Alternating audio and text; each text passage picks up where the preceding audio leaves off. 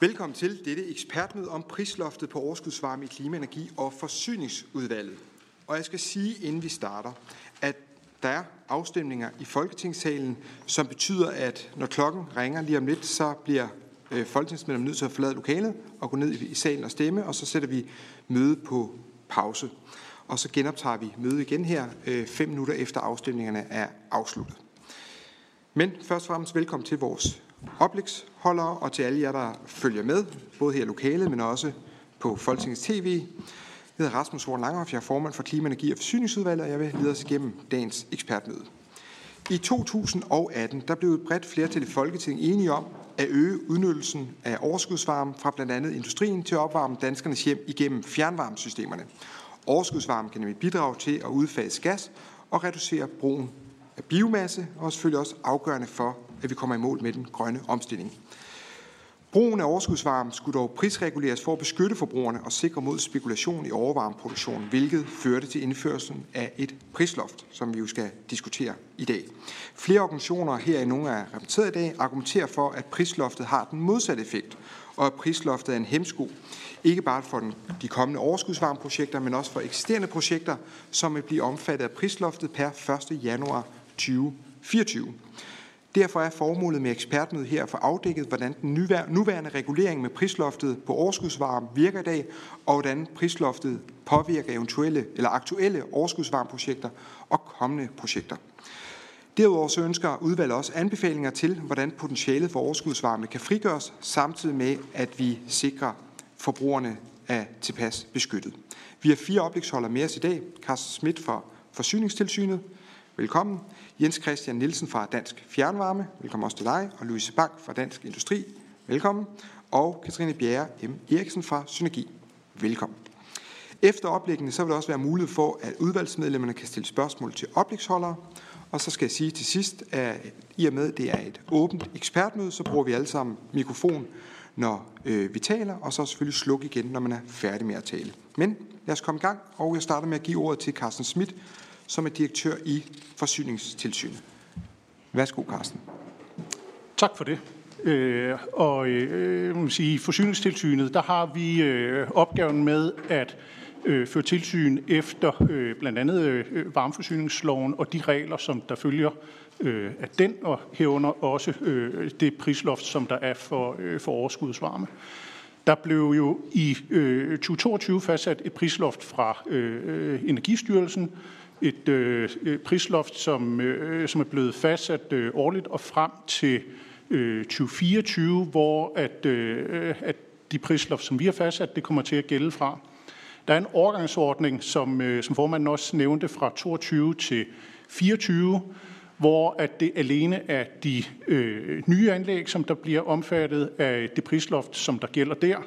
Øh, det prisloft, som, øh, som vi nu har øh, udmeldt i, øh, her i øh, efteråret, som kommer til at gælde fra øh, 1. januar øh, 2024. Det gælder så for samtlige øh, leverandører af øh, overskudsvarme.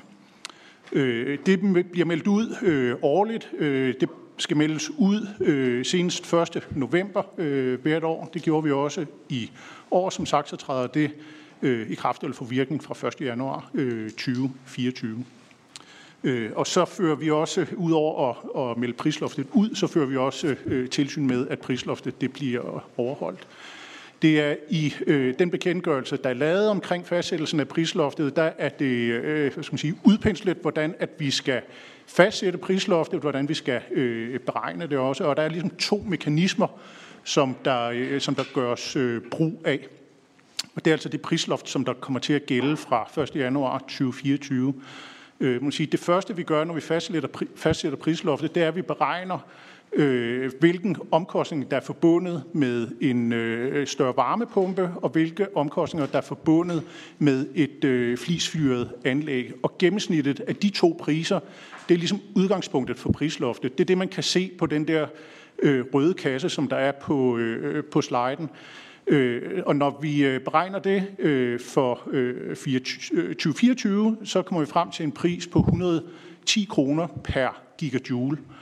Det, som vi så skal gøre bagefter, det er at se på, hvordan at det forholder sig i forhold til de omkostninger, som der er knyttet til øh, VE-produktion i fjernvarmeselskaberne. Så vi skal se på de fjernvarmeselskaber, som der har VE-produktion på mindst 90 procent. Hvilke omkostninger er der knyttet til det? Øh, og det er så de 50 procent laveste, vi skal tage udgangspunkt i der. Så det første, vi skal gøre, det første skal vi sortere de, øh, de øh, øh, allerlaveste øh, fra de unormalt lave øh, omkostninger. Der har vi fundet, at der var en i, øh, i det enkelte år, som, øh, som vi har set på her, altså gældende for 24. Øh, og så de 50 procent laveste, de ligger så øh, i intervallet fra øh, de her nogle 80 kroner og op til øh, 121 øh, kroner per øh, gigajoule. Og når det prisloft, vi initialt øh, har beregnet, ligger inden for det interval, så er det det prisloft, der gælder, det vil sige de 110.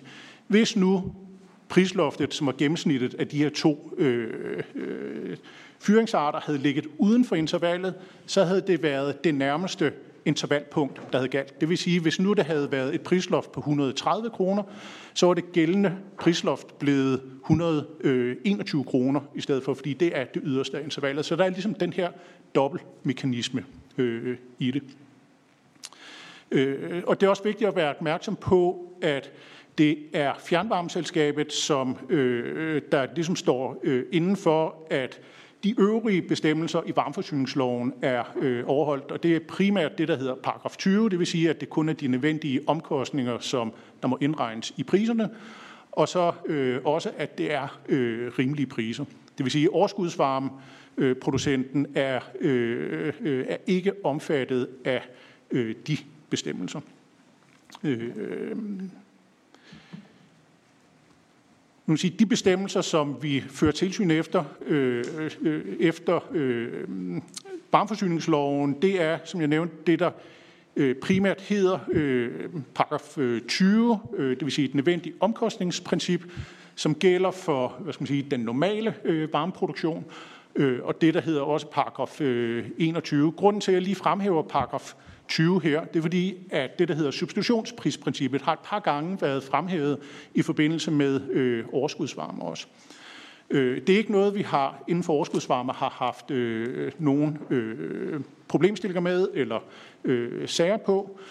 Men det, som substitutionsprincippet ligesom er udledt af, det er det her med de nødvendige omkostninger. Der ligger en lang praksis tilbage, også tilbage fra før øh, forsyningstilsynets tid, altså dengang det hed Energitilsynet, som, øh, som vi også øh, lægger til grund øh, i dag.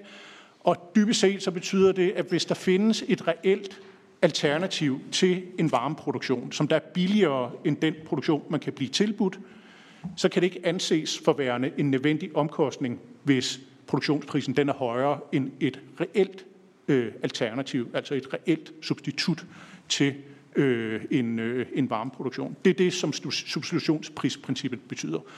Det, der jo øh, så er vigtigt her, det er, at der er et eksisterende og reelt alternativ. Det er det, vi vil kunne lægge til grund. Og hvis der ikke er det, så, så gælder det her, eller skal man sige, så er det her princip ligesom sat ud af kraft. Øh, så virker det ikke. Øh, og det er jo noget af det, der kan være lidt udfordrende i øh, en øh, overskudsvarmeproduktion, at i og med, at det skal være et reelt eksisterende øh, udbud, øh, der skal lægges øh, til grund, så skal det altså være til stede for, at øh, vi kan, øh, vi kan lægge, øh, lægge sådan et til grund. Den måde, vi kommer til at føre øh, tilsyn med øh, overholdelsen af prisloftet for overskudsvarme, det er øh, samme måde, som vi kommer til at føre tilsyn, føre tilsyn med øh, priser, omkostninger på øh, varmeområdet. Det vil sige, at vi vi øh, monitorerer, vi får øh, indberetninger på, hvilke øh, priser, hvilke omkostninger varmeselskaberne har, og så vil kunne følge, om de så overstiger det prisloft, som der er fastsat. Og der vil vi formentlig som på alle andre områder også se på, jamen er der nogle steder, der er større risiko for, at prisloftet det bliver brudt end andre steder, og så dykke ned i de områder, ligesom vi gør på de andre områder, vi fører tilsyn. Det var det sidste, jeg havde at sige. Mange tak for det. Og der er mange, der gerne vil stille spørgsmål, men det tænker vi tager efter de, de fire oplæg. Så øh, næste oplægsholder, ja, Jens Christian Nielsen, Dansk Fjernvarme, værsgo. Mange tak for det, og mange tak for, at vi er blevet inviteret som, øh, som ekspert på det her område her. Det sætter vi stor pris på. Jeg vil komme ind på, hvorfor prisloftet for overskudsvarme det spænder ben for øh, den grønne omstilling og for udfasning af naturgassen, og den skaber usikkerhed for både fjernvarmeselskaber, men i sidste ende også for varme kunderne. Prisloftet for overskudsvarme den udspringer af klimaaftalen fra 2020, og øh, her vil øh, fjernvarmeselskaberne rigtig gerne levere. I øh, klimaaftalen så står der blandt andet, at øh, formålet det er, eller at øh, partierne de blev enige om, at øh, der er behov for at fremme overskudsvarme yderligere. Og man vil gerne tage udgangspunkt i en, øh, en simpel regulering på det her område her. Det er rigtig fint i tråd med fjernvarmeselskabernes daglige virke, og det er også i kundernes interesse, fordi fjernvarmeselskaberne og kunderne de ønsker en høj forsyningssikkerhed. De ønsker lavest mulige priser, både i dag og i morgen, men også i, i fremtiden. Så det her med, med sikkerhed for deres investeringer, det er vigtigt. Og så er vi jo på vej med grøn omstilling mod 100% øh, øh, vedvarende energi. Men når det kommer til øh, overskudsvarme, så skal fjernvarmeselskaberne til at træffe en beslutning, om vi skal investere, eller om de ikke skal investere.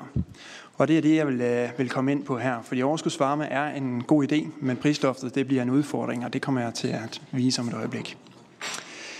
Fjernvarmeselskaberne de kigger ud på den her mulighed for at øh, tage overskudsvarme fra industrivirksomheder. Og det er energi, som ellers ville være spildt, og øh, det er energi, som egentlig kunne øh, nedsætte varmeprisen. Hvis vi kigger på, hvordan sådan fjernarmselskab egentlig er bestykket, så har de behov for at levere en stor mængde energi om vinteren, og en lille energi om sommeren. Det er illustreret med den her kurve her, som, er, som viser årets øh, varighed.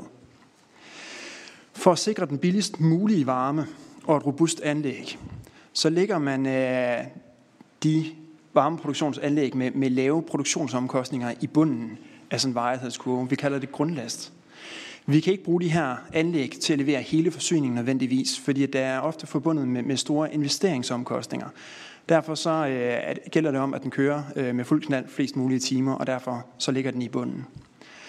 Som mellemlast, der kunne man lægge øh, flis ind, for eksempel, hvor, hvor bunden det var en varmepumpe. Og i toppen, der kan man så lægge et eksisterende anlæg, som allerede er afskrevet. Det gør ikke så meget, at prisen den er højere, fordi at det er få driftstimer, anlægget det har. I det her tilfælde, så kunne det være naturgas på et afskrevet anlæg, som, øh, som skal øh, dække spidslasten. Med den her sammensætning, så, øh, så lander vi på en varmepris på, øh, på 350 kroner per megawatt-time.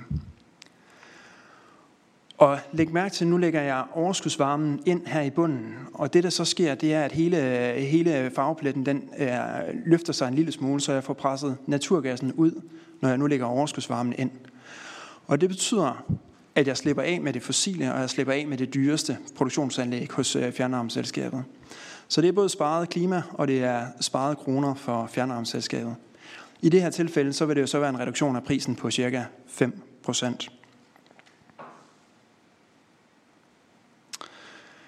Men hvad betyder det så for kunderne? Hvad er risikoen for kunderne med øh, prisloftet på overskudsvarme? Det er sådan, at øh, den her regulering med prisloftet, den gælder, når vi skal levere overskudsvarme fra en industrivirksomhed direkte til fjernvarmeselskaberne. Det kunne være et, øh, en industri, som forarbejder øh, jern eller laver dyrefoder. Prisloftet gør sig også gældende, når det er lavtemperatur, for eksempel et datacenter eller en transformerstation. Men når varmen den kommer med lav temperatur, så skal temperaturen hæves, og det kunne vi gøre i en øh, varmepumpe. Og varmepumpen skal bruge noget el, inden vi kan komme, altså levere varmen ud til, til kunderne. De her to er reguleret. Men øh, hvis man kigger på en varmepumpe, som tager energien fra udluft, eller fra spildevand, eller fra havvand, så er den ikke reguleret under overskudsvarmeprisloftet. I princippet så er det teknisk og økonomisk set samme anlæg, og øh, risikoen er den samme, og gevinsten for kunden er den samme. Men det er dog ikke øh, reguleret, når det er på en varmepumpe med udluft. Hvis vi dykker lidt ind i sådan en øh, lavtemperatur overskudsvarme anlæg, så udover at vi skal have en varmekilde, vi tager energien fra, så skal vi bruge noget el til at hæve temperaturen. Typisk så er det måske, øh, når vi får tre enheder varme fra industrien, så får vi en enhed varme fra, eller en øh, mængde energi fra, fra el. El det er jo et grønt alternativ, og det giver god mening at gå, øh, gå den vej. Der er så en pengestrøm, som skal den anden vej. Kunderne skal betale for varmen, og øh, fjernvarmeselskabet skal betale for overskudsvarmen. Vi har flere eksempler på, at de egentlig får varmen gratis, men derudover så er der omkostninger til el. Og i den sidste tid, der har vi jo set, at hvordan elmarkedet det kan skulpe op og ned. Og det er her, at risikoen den kommer. Fordi når vi skal levere overskudsvarme til kunderne, og vi er underlagt et prisloft på det, vi sælger, men vi samtidig køber el i et marked, hvor priserne de svinger, så er der risiko for, at fjernvarmeselskaberne ender med et underskud, og det er i strid med varmeforsyningsloven. Når vi lige kigger på den uh, regulering, som fjernvarmeselskaberne er underlagt, så er de underlagt projektbekendtgørelsen. Og det betyder, at de skal lave et projektforslag, inden de kan lave en investering. I det her projektforslag, der skal det vise, at projektet er robust samfundsøkonomisk, selskabsøkonomisk og brugerøkonomisk. Og det er en langsigtet, en, øh, hvad hedder det, et, øh, man kigger på en lang tidshorisont. Og det er en betingelse for, at man får stillet et lån til rådighed. Derudover så er der substitutionsprincippet. Carsten Schmidt han har allerede været inde på det, men det er et udtryk for, at fjernvarmeselskaberne altid skal vælge det billigste anlæg. Og så er varmeforsyningsloven peger også på hvile i sig selv princippet, som er et udtryk for, at der skal være balance mellem indtægter og udgifter i et fjernvarmeselskab. Fjernvarmeselskabet må altså ikke høste overskud, men de må derimod heller ikke have et underskud. Og med prisloftet på overskudsvarme, så er der en risiko for, at fjernvarmeselskaberne får et underskud. Derfor er vores anbefalinger, at øh, prisstoftet det skal væk. Det vil være en gevinst for den grønne omstilling. Det vil gøre varme billigere, og det vil gøre fjernvarmeselskabet mere robust, når de har flere anlæg at vælge imellem. Det har ingen økonomiske konsekvenser på, på hverken kort sigt, fordi der er ikke noget med tilskud eller noget på kort sigt. Men det har egentlig heller ikke langsigtede økonomiske konsekvenser for staten, fordi det handler heller ikke om provenytab. Mange tak for ordet. Mange tak for det. Næste oplægsholder, det er Louise Bank, der er teamleder i Dansk Industri. Værsgo. Tak for det, og jeg vil også gerne sige mange tak for invitationen. Øhm, jeg skal give et, et, et indlæg om, øh, om, om industriens perspektiv på, øh, på øh, overskudsvarmen, og hvad det er, de, øh, de oplever barriere derude. Øhm, jeg vil lige starte ud med lige at komme kort ind på potentialet kun for industrien. Nu ved jeg, at Katrine kommer ind på øh, det større potentiale senere, men det man kan sige, øh, som vi har fået kortlagt ud, det er, at vi har et overskudsvarmepotentiale, øh, som, hvor vi kun udnytter 40 procent af det pt. Øh, og det vil sige, at vi har et resterende øh, potentiale fra industrien. Yes, tak.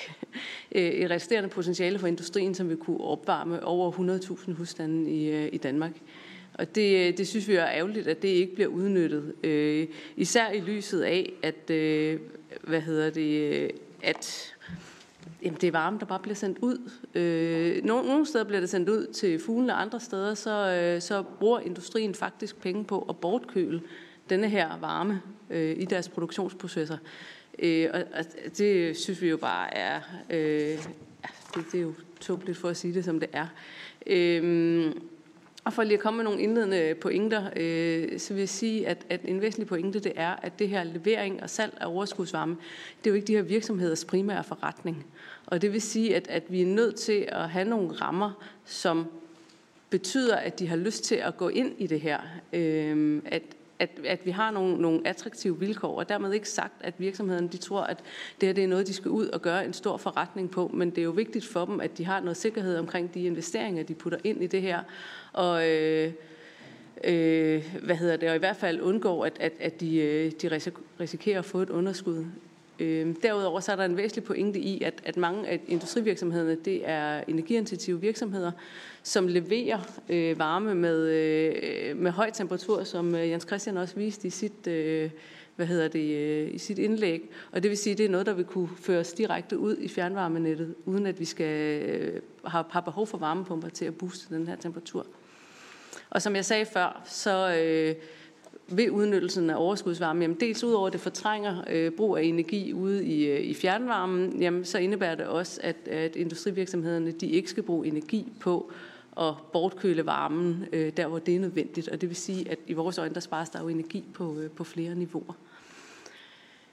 Øhm, Noget af det, som øh, virksomhederne oplever derude, jamen vi, vi har et prisloft, og det er nok vores øh, alt overskyggende, og som Jens Christian sagde, øh, vores alt overskyggende barriere, vi ser derude, det er, at vi har et prisloft, der skaber noget usikkerhed omkring deres business cases. Det kommer jeg lige tilbage til senere.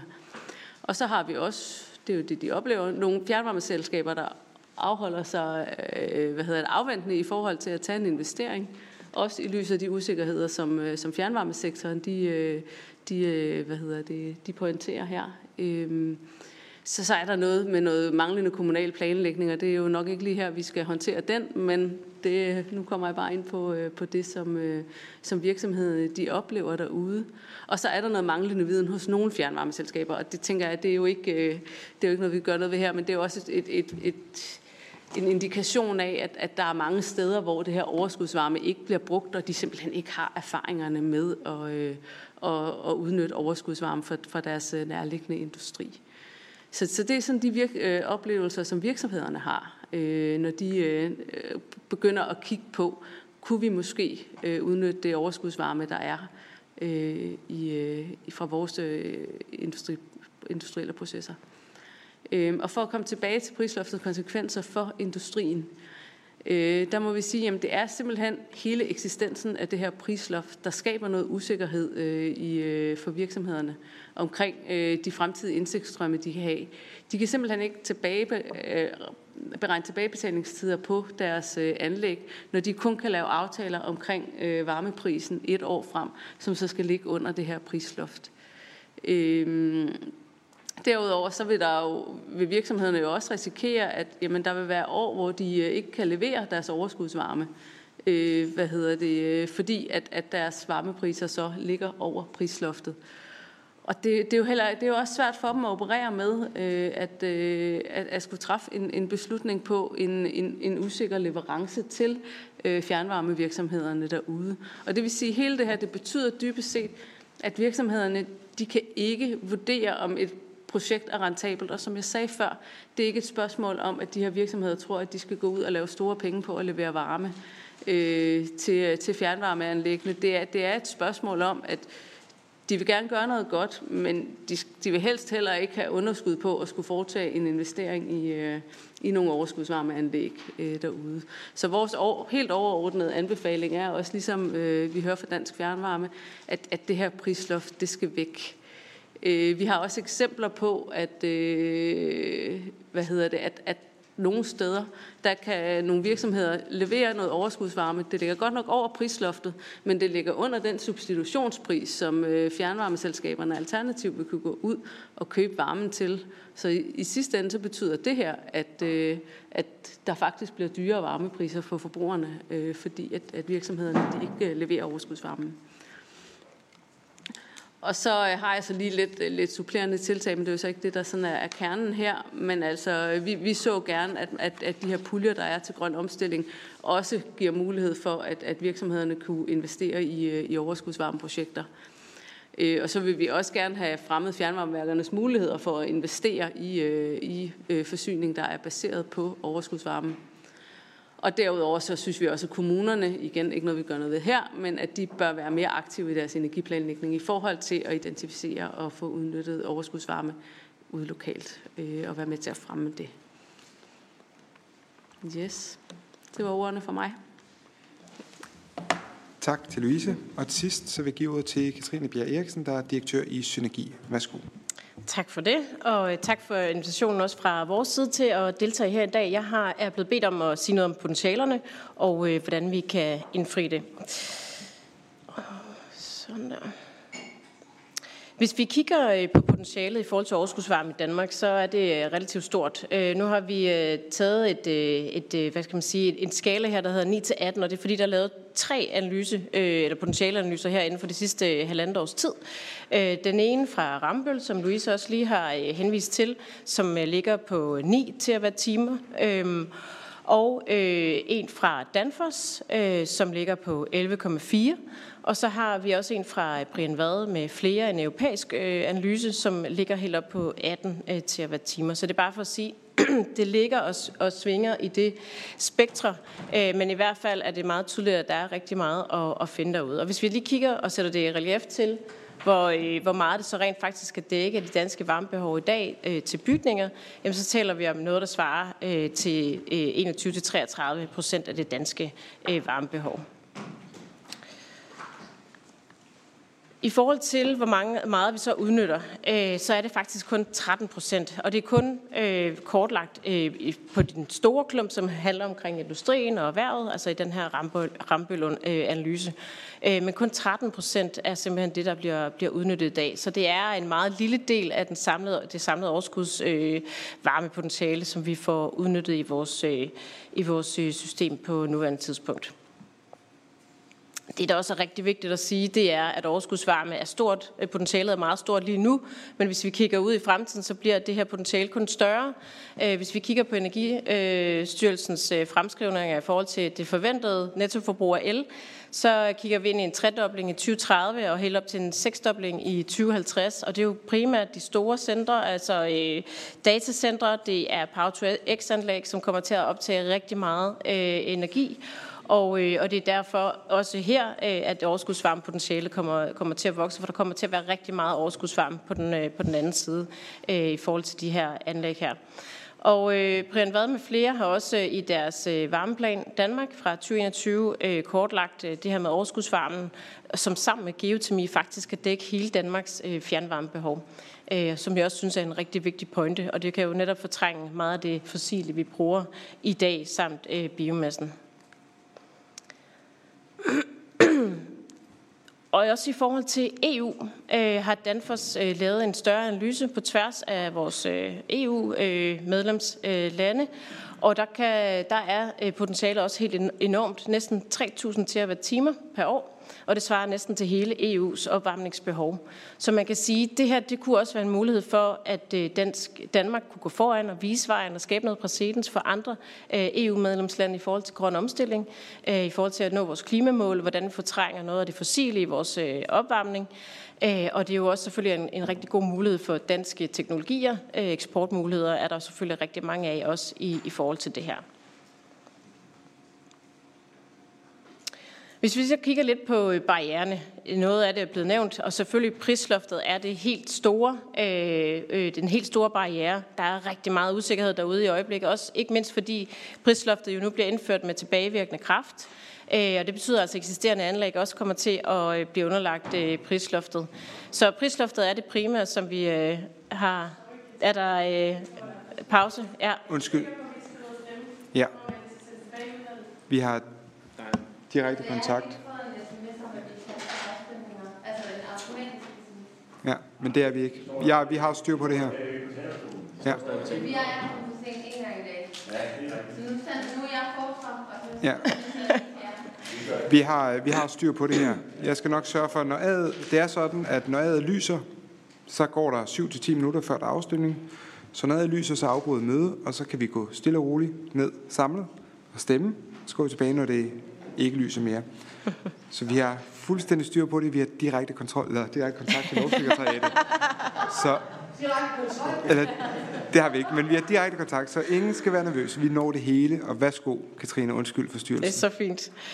Øhm, yes, så prisloftet er det primære, og det som vi jo alle sammen er enige om, at vi bør kigge på og få fjernet. Så er der noget i forhold til de politiske signaler. Der er også usikkerhed i markedet, fordi der er øh, lidt uklarhed om, hvad man vil politisk, og det tror jeg, det er meget vigtigt at blive helt klar i spyt omkring, hvad det er, øh, man gerne vil i forhold til overskudsvarme, og hvilken rolle overskudsfarmen skal have i, i fremtiden. Så er der i forhold til planlægning, Øh, der er nogle, øh, nogle barriere her, noget af det, som Louise også lige har nævnt, hvor ligger øh, man, øh, hvad hedder det, de her store anlæg henne, de her overskudsvarme øh, anlæg henne, øh, og hvordan får man det koblet til øh, fjernvarmenet med mere. Så er der kapacitet og ressourcer, og det er jo sådan set både øh, på, øh, på industrisiden, men også hos øh, fjernvarmeværkerne og også i kommunerne. Øh, der, er, øh, der er brug for, at vi får kigget ind i det. Og så er der øh, på nuværende tidspunkt en, en tand af, af noget for, øh, hvad skal man sige, unødvendigt byråkrati, som gør det svært for især de mindre, altså sådan noget som, øh, hvad hedder det, supermarkeder, eller det kunne også være et hospital, eller en, øh, en udlejningsejendom, en meget stor ejendom, som har noget overskudsvarme, som har svært ved at, ligesom at få leveret deres overskudsvarme ud i, øh, i nettet.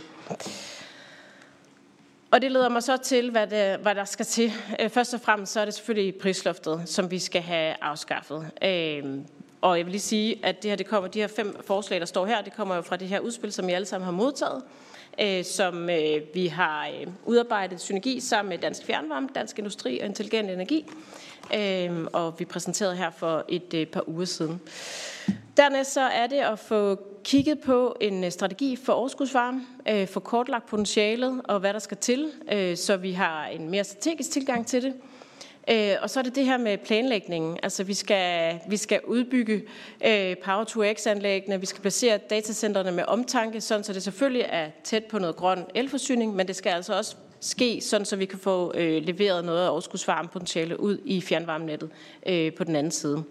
Så handler det om det her med mere viden og bedre redskaber. Øh, vi har simpelthen brug for eventuelt et videnscenter på samme område, eller på samme måde, som vi har for andre områder, eller noget, et rejsehold kunne det også være, eller i hvert fald på en eller anden måde noget, øh, nogle ressourcer fra, fra statslig side til at støtte nogle af de her projekter, nogle kommuner i, hvordan vi kommer videre øh, og, få, og få hjulpet nogle af de her projekter i gang.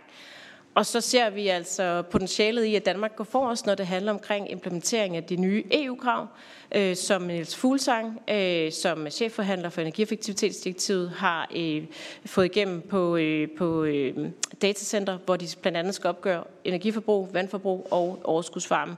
Øh, så, øh, så der kunne vi godt øh, se nogle muligheder i, at øh, Danmark gik foran som øh, godt forgangs, øh, eller et udstillings, øh, hvad hedder det, øh, forgangsland for en ambitiøs implementering. Og det tror jeg, det var øh, ordene her for mig. Tak for ordet. Mange tak for fire gode, klare oplæg. Nu er der mulighed for, at udvalgets medlemmer kan stille spørgsmål eller komme med kommentarer, og så kan vi, øh, vi samle op løbende. Jeg tænker, vi tager et par stykker, og vi starter med Signe Munk. Værsgo. Ja, tak fordi I vil komme og gøre os klogere på, øh, på prisloftets øh, funktion. Jeg har, øh, tror jeg, næsten et spørgsmål til hver af jer. Øh, det første det er til Carsten Schmidt fra Forsyningstilsynet. Det prisloft, som, øh, som der bliver fastlagt i dag, er det rigtigt forstået, at det bliver fastlagt og meldt ud øh, to år for inden det træder i kraft, som jeg forstod det? Så prøv lige at sætte ord på, hvornår bliver prisloftet fastlagt i forhold til, at det går i effekt, og hvordan vurderer I, at det håndterer et, et volatibelt elmarked, hvor elprisen øh, svinger meget op og ned? Og forholder prisloftet sig til den samlede samfundsøkonomi i en varmeforsyningsmix? Altså, som eksemplificeret ved, om, øh, om man samlet set i varmemixet har ender med at have en dyr øh, spidslast, som Dansk Fjernvarme viser, hvis man ikke får øh, overskudsvarmen ind. Så vil jeg gerne høre Dansk, øh, øh, Dansk Fjernvarme i forhold til, om I kan redegøre for, hvorfor spildevand overskudsvarme for spildevand ikke er underlagt prisloftet, set i forhold til, hvilken del af overskudsvarmeforsyningen der er underlagt prisloftet. Hvad er den tekniske forskel, hvis der er det? Og så øh, kunne jeg godt tænke mig at høre Dansk Industri sætte nogle flere ord på, øh, i de projekter, I så har set, er lykkes med at lave overskudsvarme øh, aftaler. Øh, hvad er det, der har gjort, at det kunne komme op og køre? Har det noget at gøre med, at der tidligere har været en anden regulering, hvor man så har sat de projekter øh, i søen? Og hvordan øh, bliver de påvirket af det prisloft, der her øh, i det nye år for eksempel bliver meldt ud? Altså også eksisterende øh, aftaler med eksisterende investeringer. Og det sidste, det går til øh, synergi. Der kunne godt tænke mig at høre, jeg bider mærke i, øh, at øh, du siger, Katrine, at der er nogle supermarkeder, der afholder sig fra en overskudsvarme aftaler. Det var jo en del af den politiske aftale, da vi lavede øh, prisloftet, som gælder nu, at man ikke skulle ramme mindre overskudsvarme leverandører. Der var faktisk en meget stor diskussion omkring det her eksempel med øh, supermarkeder, så jeg vil gerne høre, om virkeligheden er, at de faktisk bliver ramt. Mange tak for det, Signe. Hvis I noterer ned, så vil vi øh, så småt øh, sætte møde her på pause, og så vil vi gå ned og stemme, og så kommer vi tilbage. Og den første, der får et spørgsmål bagefter, det er Bjarne. Men vi afslutter, eller sætter møde på pause nu her. Jeg kan ikke nå det inden. Øh,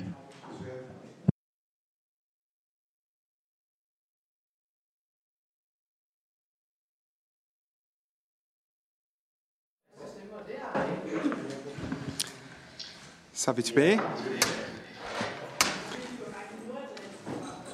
Vi har... Ja, så starter vi op igen.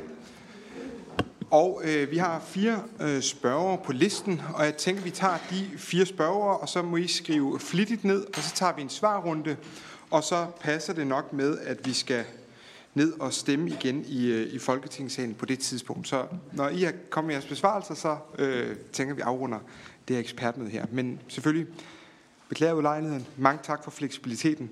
Bjarne Lausen, vi har glædet os til at høre dit spørgsmål. Og øh, apropos overskudsvarme, så havde jeg lidt is i maven, øh, inden jeg skulle ned og stemme. Og derfor fik jeg lejlighed til at, at briefe jer om, hvad det var, jeg ville spørge om. Men af hensyn til de tusindvis af seere, der sidder og følger med i det her spændende øh, projekt, der øh, vil jeg godt øh, prøve lige at motivere, hvorfor det er, at, øh, at jeg stiller de her øh, konkrete spørgsmål. Når vi har snakket om det her tidligere, det er også det, der førte til, at vi vil have eksperthøringen, det var, hvor kommer det egentlig fra, det der med, at øh, man har brug for et sådan en mekanisme. Vi har byråkrati nok i øh, vores samfund. Så øh, Carsten Schmidt, hvor kommer det her fra? Jeg har spurgt efter, nævn en politiker, der har sagt, at det her det er vigtigt i den lovgivning, at det kommer med. Øh, det har jeg til gode at høre, men det kan være, at jeg får svaret nu. Fordi jeg synes jo, at Dansk Fjernvarme gav øh, nogle eksempler på, hvad konsekvenserne er af det her. Det er, at øh, øh forbrugerne de bliver snydt. De får ikke billigere varme. Man udnytter ikke de spil, øh, de ressourcer, øh, der er der. Og øh, vi, øh, de svigter også den grønne omstilling. Så hvorfor er det i det hele taget, at man skal have det der? Og jeg vil godt høre, øh, hvis nu det er, at det er først sket, at fjernvarmeværket kommer til at investere i et eller andet, der så har, øh, de har brændt fingrene på, hvis man kan bruge det udtryk. Det har jo ikke nogen øh, statsfinansielle konsekvenser. Det er udelukkende et spørgsmål med dem, der sætter projektet i gang og får det godkendt på en generalforsamling osv. Så det bliver jo fjernvarmeforbrugerne i den sidste ende, der skal betale. Er det ikke korrekt? Det vil jeg gerne vide. Øh, så i forhold til den grønne omstilling, øh, det er jo så, øh, jeg tog det var inde på det, at øh, der er noget potentiale, der ikke bliver udnyttet, fordi der er ingen, der tør eller kan gå i gang med de projekter, som der ligger i støbeskeen. Kan man sige noget om, hvor, hvor meget det er sådan i, i mængder, i mandetimer eller kroner og øre, øh, det, det her prisloft betyder? Fordi øh, jeg håber jo, det forsvinder prisloftet, og kan få en positiv øh, øh, diskussion på, hvad det her det kan bruges til, hvis det forsvinder. Ja, tak. Tak, Bjarne. Øh, så er jeg selv på efter øh, mig, så er det Per Husted og Mona Jul, og så kan I få lov til at komme med en, en svarrunde. Og jeg vil sige, der, jeg fornemmer, at der breder sig en stemning af, at det vil være øh, det rigtige at fjerne det her prisloft, øh, synes jeg også fra jeres oplæg og fra flere, der, der deltager her. Øh, det er jo ikke for ingenting, at jeg er formand for det her udvalg. Men, men det, øh, det, er jo, det er jo meget lige til. Så hvis nu, nu skal man jo altid kunne forstå, hvorfor, hvorfor er det, vi har øh, det her øh, det her prisloft. Og, øh, og, og intentionen ved det er jo den her øh, forbrugerbeskyttelse. Fordi vi har jo alle sammen som prioritet, at vi skal have gang i en grøn omstilling og fart på, og vi har brug for den her overskudsvarme. Vi kan ikke varme for fuglene. Vi bliver nødt til at bruge den. Vi har ikke råd til bare at futte den af. Samtidig så vil vi også gerne have billig energi til forbrugerne, så derfor har vi også brug for noget forbrugerbeskyttelse. Som jeg ser det, så det her prisloft er, et, er et ekstra element af forbrugerbeskyttelse. Så jeg vil gerne høre fra jer, er det jeres indtryk, at vi faktisk er dækket godt nok ind i forhold til at beskytte forbrugerne til at få de, den bedste strøm til de billigste priser, øh, og, at, og at vi faktisk er dækket rigeligt ind uden det her prisloft. Bare sådan, så vi får den, får den, anden, den anden vinkel med, at øh, høre jeres, jeres øh, vurdering af det. Fordi så er det jo, så er det jo mere lige til at gå til. Per Husted, værsgo. Tak. Jeg synes, der har været stillet nogle rigtig gode spørgsmål, så noget af det, jeg har tænkt, det er selvfølgelig allerede sagt, og jeg vil egentlig gerne takke blandt andet SF for de øh, paragraf 20 spørgsmål, de har stillet i processen, som egentlig har afklaret mange ting. Øh, jeg vil være helt konkret. Grunden til, at vi lavede det her møde, det var vel egentlig på baggrund af, at Aalborg Fjernvarme havde foretrædet her for udvalget. Og deres udfordring var det her med spildevand. Signe var også lidt inde på det. Øh, så jeg synes egentlig, det fortjener et konkret svar, når det, det var baggrunden, som jeg husker det, for at vi har det her møde i dag. Jeg har selv siddet i et fjernvarmeværk, der hvor jeg selv bor, øh, som har et helt konkret projekt, også med spild, med øh, spildvand. Øh, og derfor øh, fortjener de også et svar, fordi det, det er noget af det, man selv har været til møder om osv. Så jeg kunne egentlig godt tænke mig helt, og som jeg hører det, så er der sket noget omkring lige præcis spildevand. Men jeg synes, det fortjener at blive sagt i det her forum også af eksperter, som øh, har meget indsigt i det. Så mit spørgsmål er helt konkret øh, omkring prisloft, spildevand fra rensningsanlæg. Øh, er der nogle problemer med dem nu? Helt konkret, fordi det tror jeg, I har et godt svar til os på. Tak for det, Per. Og så Mona Jul. Værsgo, Mona.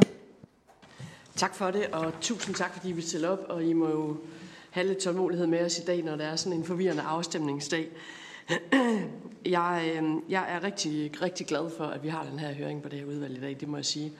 Øhm, og det kan også ske, at det er kommet i stand, som Per Husted siger, på baggrund af en deputation. Det vil være glædeligt, men det er i hvert fald også et område, som øh, blandt andet SF og konservative, der sidder lige over for hinanden her, har sat meget fokus på. Øh, så, så det er jo noget, der virkelig, virkelig skal strækkes i gang.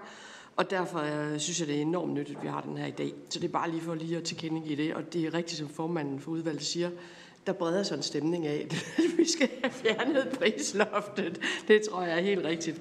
Men jeg har nogle enkelte ting, fordi der er jo andet end pris her i livet. Det er jo helt utroligt, men det er der jo. Der er jo en klimaeffekt også, og der er nogle forbrugere, der ønsker at se en klimaeffekt. Og hvor meget fokus øh, er der på det i forhold til, når vi nu snakker prisloft kontra, hvad, hvad kan klimaeffekten rent faktisk gå hen og blive øh, ved at, at genanvende overskudsvarmen?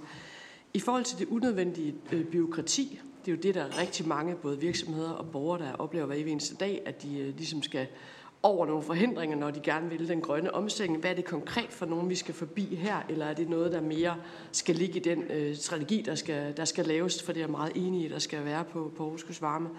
Og så endelig i forhold til EU-plan, har vi, øh, ser vi nogle andre lande øh, udnytte overskudsvarmen øh, i, i noget, vi kan låne noget fra, noget viden fra, noget, nogle erfaringer fra, eller bliver vi fuldstændig first mover på det her? Øh, jeg synes selvfølgelig, det er ærgerligt, at øh, lovgivningen ikke altid følger med, øh, når, øh, når nu at øh, vi så gerne vil, men jeg håber rigtig meget på, at vi kan blandt andet med den her høring sætte skub på, også over ved ministeren. Tak.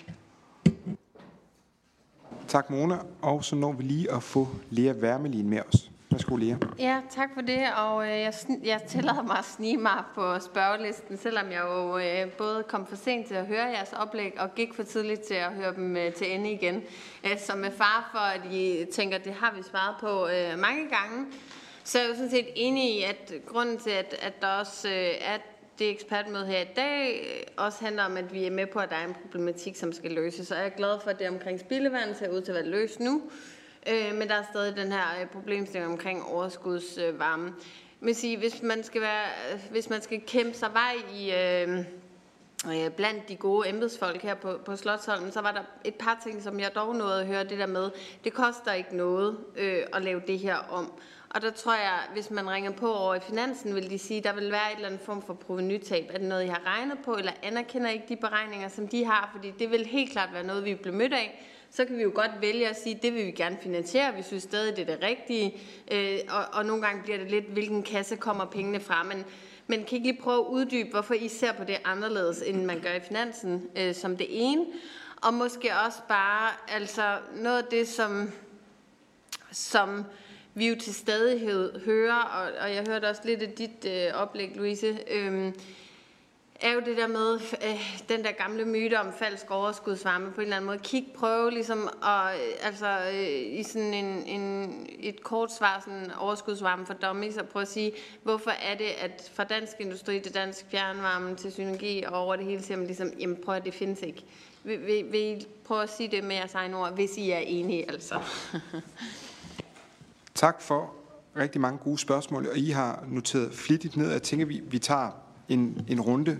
Øh, måske starte med, med, med Carsten Schmidt fra Forsyningstilsynet, og så kan I byde ind med, med svar på det her. Og I kan jo godt mærke på udvalget her, at, at alle har interesse i at få løst det her. Øh, og, øh, og I kan være med til at pege på de sten, der skal fjernes fra vejen, ikke, til at, at, få, at komme godt i mål øh, med det. Så Carsten, hvis du vil lægge for, værsgo. Tak for det. Jeg vil starte med at sige, at vores rolle på øh, det her område, det var alene at øh, udmelde prisloftet og føre tilsyn med de regler, som der findes.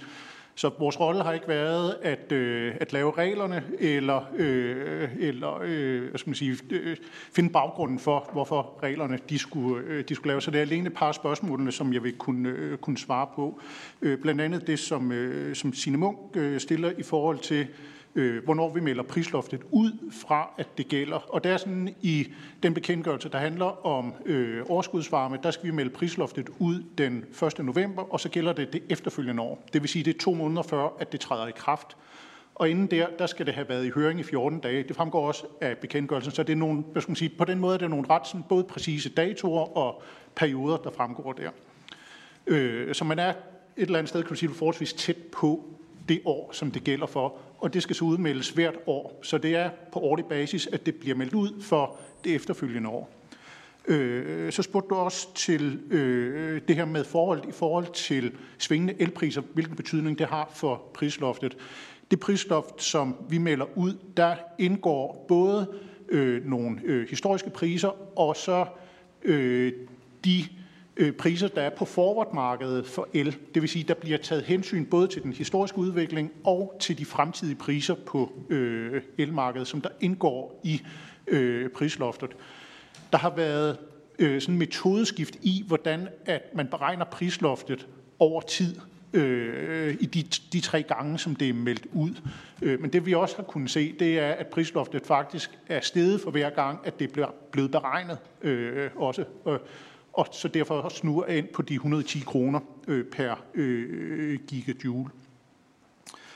Øh, så blev der også spurgt til øh, det her med, øh, med virkningen for, øh, for spidslast og sammensætningen af, øh, af de forskellige øh, brændselstyper. Det er ikke noget, vi har set på øh, virkningen øh, af. Øh, det ligger simpelthen uden for hvad skal man sige, den opgave, som, øh, som vi sidder med. Øh, Øh, og lidt det samme som det, som, øh, som Bjarne Lausen, du spurgte øh, om.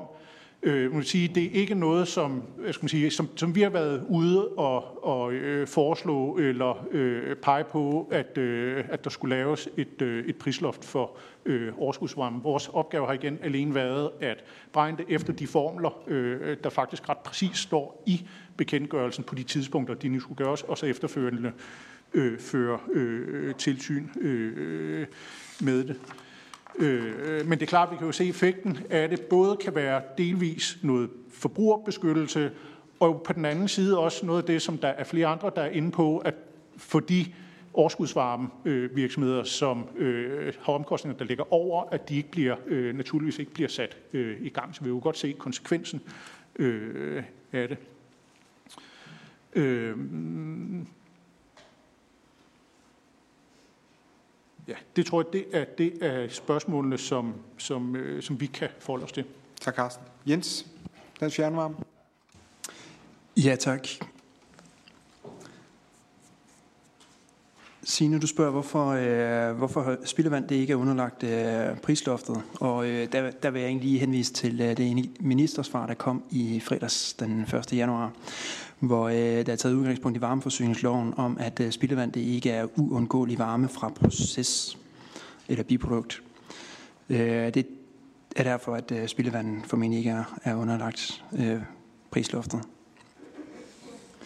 Så spurgte du yderligere, om det går ud over øh, eksisterende investeringer, og det gør det også. Fjernvarme Fyn for eksempel har investeret 400 millioner kroner i, øh, i øh, overskudsvarmeanlæg fra Meta Datacenter. Og øh, det er jo omkostninger, som de nu risikerer egentlig, ja, de kan ikke få, få værdi for de penge, hvis, øh, hvis de ikke kan køre med deres overskudsvarmeanlæg de løber en risiko, hvis, øh, hvis elpriserne de stiger, jamen så må de ikke køre, og så, er det jo, øh, så har de deres kapitalomkostninger og ikke noget varmesalg, og så overstiger de naturligvis øh, prisloftet. Bjarne, du spurgte, hvad øh, sådan det grundlæggende formål er med øh, prisloftet på overskudsvarme. Hensigten er jo at beskytte kunderne, og det er at undgå øh, spekulation fra øh, overskudsvarme leverandørerne. Og så er det at beskytte mod falsk overskudsvarme, altså at industrien spekulerer i at lave ekstra varme i, i forhold til deres primære produktion. Vi har ikke set nogen eksempler på falsk overskudsvarme, og øh, skulle det ske, jamen, så, må vi jo, så må vi jo behandle det. I forhold til at beskytte kunderne, så, øh, så var jeg kort ind på det i min præsentation også. Øh, kunderne de er beskyttet rigtig godt af varmeforsyningsloven, og det har de været siden ja, 70'erne af. øh, både i forhold til, til uh, substitutionsprincippet, de skal jo naturligvis altid vælge det billigste, og de er underlagt projektbekendtgørelsen, så de skal undersøge nøje, inden de laver en investering. Og derudover så er mange af, de, af varmeselskaberne, det er jo ambærer. De er ejet af kunderne. Så hvis fjernvarmeselskaber de ender med et underskud, som ikke kan viderefaktureres til kunderne, så ejer kunderne egentlig i sidste ende alligevel det her underskud. De fjernvarmeselskaber, som ikke er ambærer, de er ejet af kommunen, og så er det så kommunen, der ejer det her underskud, hvis det skulle opstå. Så det er ikke hensigtsmæssigt. Rasmus, du spurgte, hvad der er eksisterende af forbrugerbeskyttelse. Jeg har lige kort været inde på det med de tre principper, for, hvad hedder det, øh, substitutionsprincippet, projektbekendtgørelsen og så hvile i sig selv øh, princippet. Øhm, ja. Per, du spurgte til øh, spildevand, om vi nu er, er home safe med, med spildevand. Og det er vi ikke helt, fordi der er spildevandsanlæg, en industrivirksomhed har en proces og, øh, og, og har, har noget spildevand fra den. Det kan være, at de leverer det til en anden øh, industrivirksomhed, men det er jo industriel øh, varme egentlig.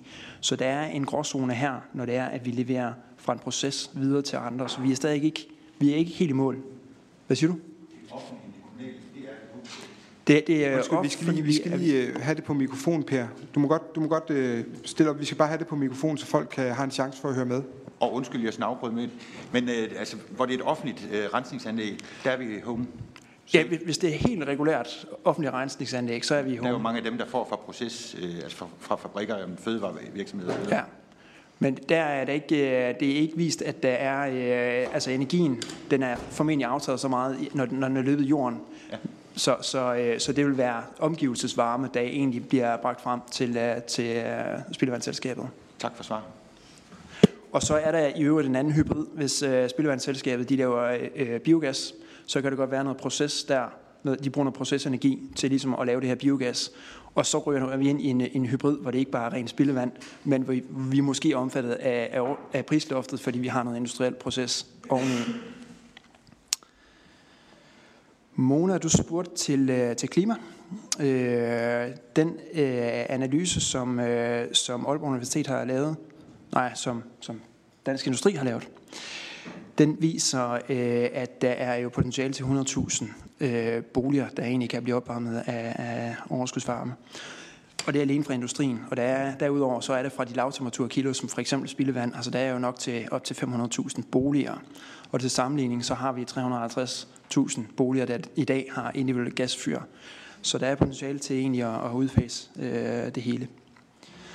Og øh, Lea, du spurgte til provenytab i forhold til, til beskatningen. Og der er øh, der har været over, altså der har været en, en øh,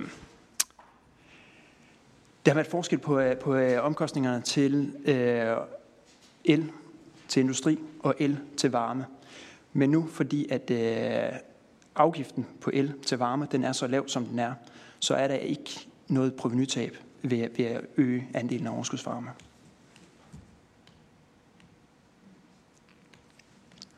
Tak. Tak for det. Bjarne, du sidder og markerer. Var det, kan, du, kan du gøre det kort hertil? Fordi så kan det være, hvis det er også et spørgsmål, der går til de andre, så kan både Louise og Katrine også komme med på runden her. Så var det, var det specifikt til Jens Christian? Det er bare øh, fordi, at når jeg spørger til konsekvenser, hvad nu hvis vi fjerner det? Er der så nogle konsekvenser ved at fjerne det? Tak, Bjarne. Okay, Carsten, værsgo. Øh, det kommer an på, hvis sige, hvad der så gælder i stedet for, Man man sige, hvis overskudsvarmeproducenterne fortsat vil være fritaget for øh, paragraf 20, paragraf 21 i varmeforsyningsloven, som de er fritaget fra i dag, så kan der være en konsekvens, ja, øh, som vil være stigende priser. Øh, alternativet, hvis de bliver omfattet af paragraf 20, paragraf 21, som alle andre varmeproducenter også er, så betyder det en noget større administration for, øh, for overskudsvarmeproducenterne, men også at de vil blive omfattet af de forbrugerbeskyttelsesregler, som de nuværende øh, varmeproducenter er omfattet af. Tak. Ja, Jens Christian også. Nej, Bjarne. Vi mener, at øh, de, de reguleringsmekanismer, som er i forvejen, at de er tilstrækkelige, fordi at kunderne de er jo beskyttet af, af de her mekanismer her. Der skal laves et projektforslag, og man kan på kontraktvis, altså på kontraktlige vilkår, indgå en aftale om, hvad skal overskudsvarmen koste. Og der skal den jo være konkurrencedygtig med varmeselskabernes alternativer. Så hvis man på kontraktmæssigt vilkår indgår en aftale om at holde prisen ned, så er der ingen risiko. Tak for svaren. Og så er Louise, Dansk Industri. Værsgo. Yes, tak for det. Øh, Signe, du bad om, mig om at sætte lidt flere ord på, hvad det var for nogle projekter, der, øh, der lykkedes, og hvorfor de lykkedes, og, øh, og om de bliver påvirket. Altså man kan sige, mange af de meget store projekter, der har været, altså det der er i det, det er, at øh, meget af det overskudsvarme, der bliver udnyttet for industrien i dag, det bliver udnyttet for nogle meget store anlæg. Øh, det, det, det er forholdsvis få leverandører, der er. Og en del af dem, øh, de er, det er nogle, øh, nogen, som faktisk har leveret overskudsvarme i rigtig, rigtig mange år, og som derfor har fået afskrevet deres anlæg, og dermed ikke har de samme problemer med at holde sig under prisloftet, som, øh, som en del af de nye anlæg har. Men der er nogle af de nye anlæg, som ikke har haft mulighed for at afskrive deres omkostninger, som øh, bliver påvirket af det her øh, prisloft, der virker med tilbagevirkende kraft her fra 1. januar. Så, men, men nogle af de største, vi har, altså på Portland og raffinaderiet over i Fredericia osv., de vil sagtens kunne løbe videre, fordi de, øh, de har leveret i, i mange år. Øh, og så blev der spurgt til øh, Lea, det var øh, falsk overskudsvarme. Øh, altså, jeg vil sige det sådan, at, at med de tidligere afgifter, der har været på rumvarme, der har jeg godt kunne se det rent teoretiske argument for, at, øh, at, at man kunne øh, producere varme for at sælge det. Altså. Men når jeg øh, har prøvet at forklare mine medlemsvirksomheder, at hele baggrunden for falsk overskudsvarme, øh, tanken er, at de skulle fyre ekstra energi ind i deres produktionsprocesser for at få noget mere varme ud på den anden side, som de så kunne sælge. Altså så har de jo kigget på mig, som om jeg er, jeg er faldet ned fra månen. Altså, fordi de har så, det er jo ikke deres primære forretning at levere varme, og de har fokus på at øh, holde omkostningerne så meget nede i, øh, i deres øh, primære produktion, at, at det her, altså hele tanken omkring at, at fyre ekstra varme ind, den, den er dem så fjern, de kan, de kan slet, slet ikke forstå den. Så for os, fra Dansk Industris side, har, har det her omkring øh, falsk overskudsvarme været en meget, meget tænkt og meget, meget teoretisk situation.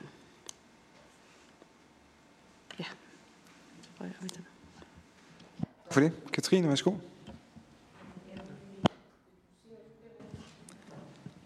Det var ja. bare, I var... Eller hvad?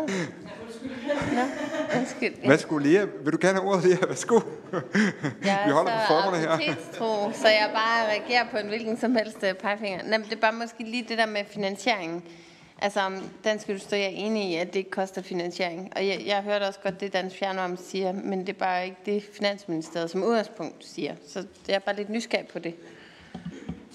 Altså, så, som Jens Christian siger, så tror jeg, at det, det afhænger af, hvad det er for net brændsel, der er det alternative brændsel for, for fjernvarmeselskaberne. Fordi hvis de, de går ud og har naturgas, mm så, øh, så kan der godt være en, øh, en, en provenyeffekt. Men i og med, at rigtig meget fjernvarme det er baseret på biomasse, som ikke er pålagt øh, afgift, så kan jeg ikke se, at det, er, at, at det er det, der skal stå i vejen. Så er det Katrines tur. Værsgo. Jeg beklager over for formanden, at jeg lige fik øh, peget på det og afbrudt øh, din, øh, din talerække.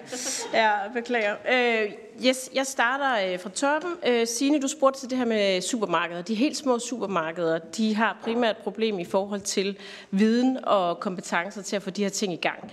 Øh, så det er her, hvor for eksempel et videnscenter eller et rejsehold, eller i hvert fald noget, noget ekspertise fra statens side, vil være rigtig, rigtig brugbart.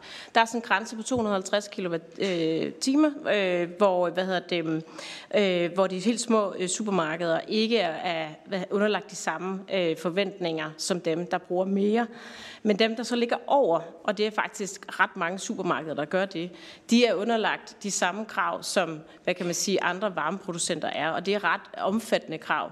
Og der vil være, vores holdning i hvert fald være, at der kunne man godt kigge på den her grænse her, så nogle af de her supermarkeder ikke skulle underlægges de samme øh, krav og forventninger, øh, som, øh, som, som varmeproducenterne gør. I, øh, I forhold til øh, prisloftet, som du også spurgte til, Signe, så vil jeg bare sige, at øh, det vil, det vil egentlig taget retfærdigvis nok at, at lige at nævne, at prisloftet jo i år er beregnet på baggrund af 2022-priser. Og det jo betyder, at øh, det var meget høje priser, vi havde sidste år, så vores forventninger til prisloftet, hvis det fortsætter til næste år, det er, at det vil være væsentligt lavere end det, der kommer ud i år. Og det gør jo bare, at usikkerheden omkring de her projekter bliver endnu større, end de er på nuværende tidspunkt, og det bliver endnu sværere at få de her projekter til at flyve, fordi business casen simpelthen ikke er der. Så det synes jeg bare lige er værd at nævne, når vi snakker omkring øh, prisloftet. Øh, Bjarne, du spurgte til, til potentialet i mandetimer eller mængder osv. Det er jo lidt svært at sige, men vi ved i hvert fald helt positivt set, øh, vi kender alle sammen ekstremt mange projekter på tværs af Danmark i lokale øh, fjernvarmeværker, øh, i industrien, og øh, både store og små, øh, som har udfordringer på nuværende tidspunkt, og som sidder og venter på at gå i gang, fordi de, der er usikkerhed omkring det, og lige nu der tør de simpelthen ikke.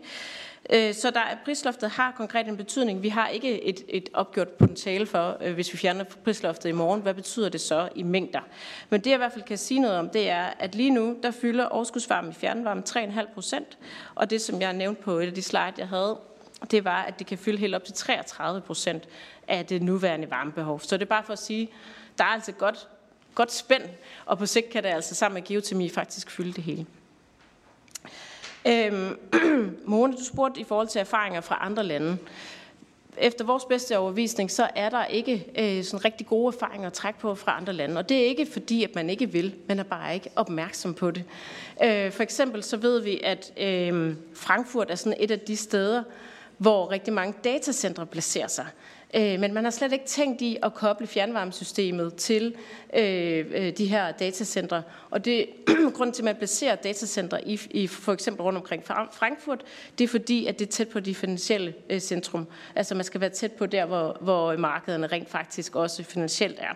Øh, det betyder noget faktisk i forhold til hastighed.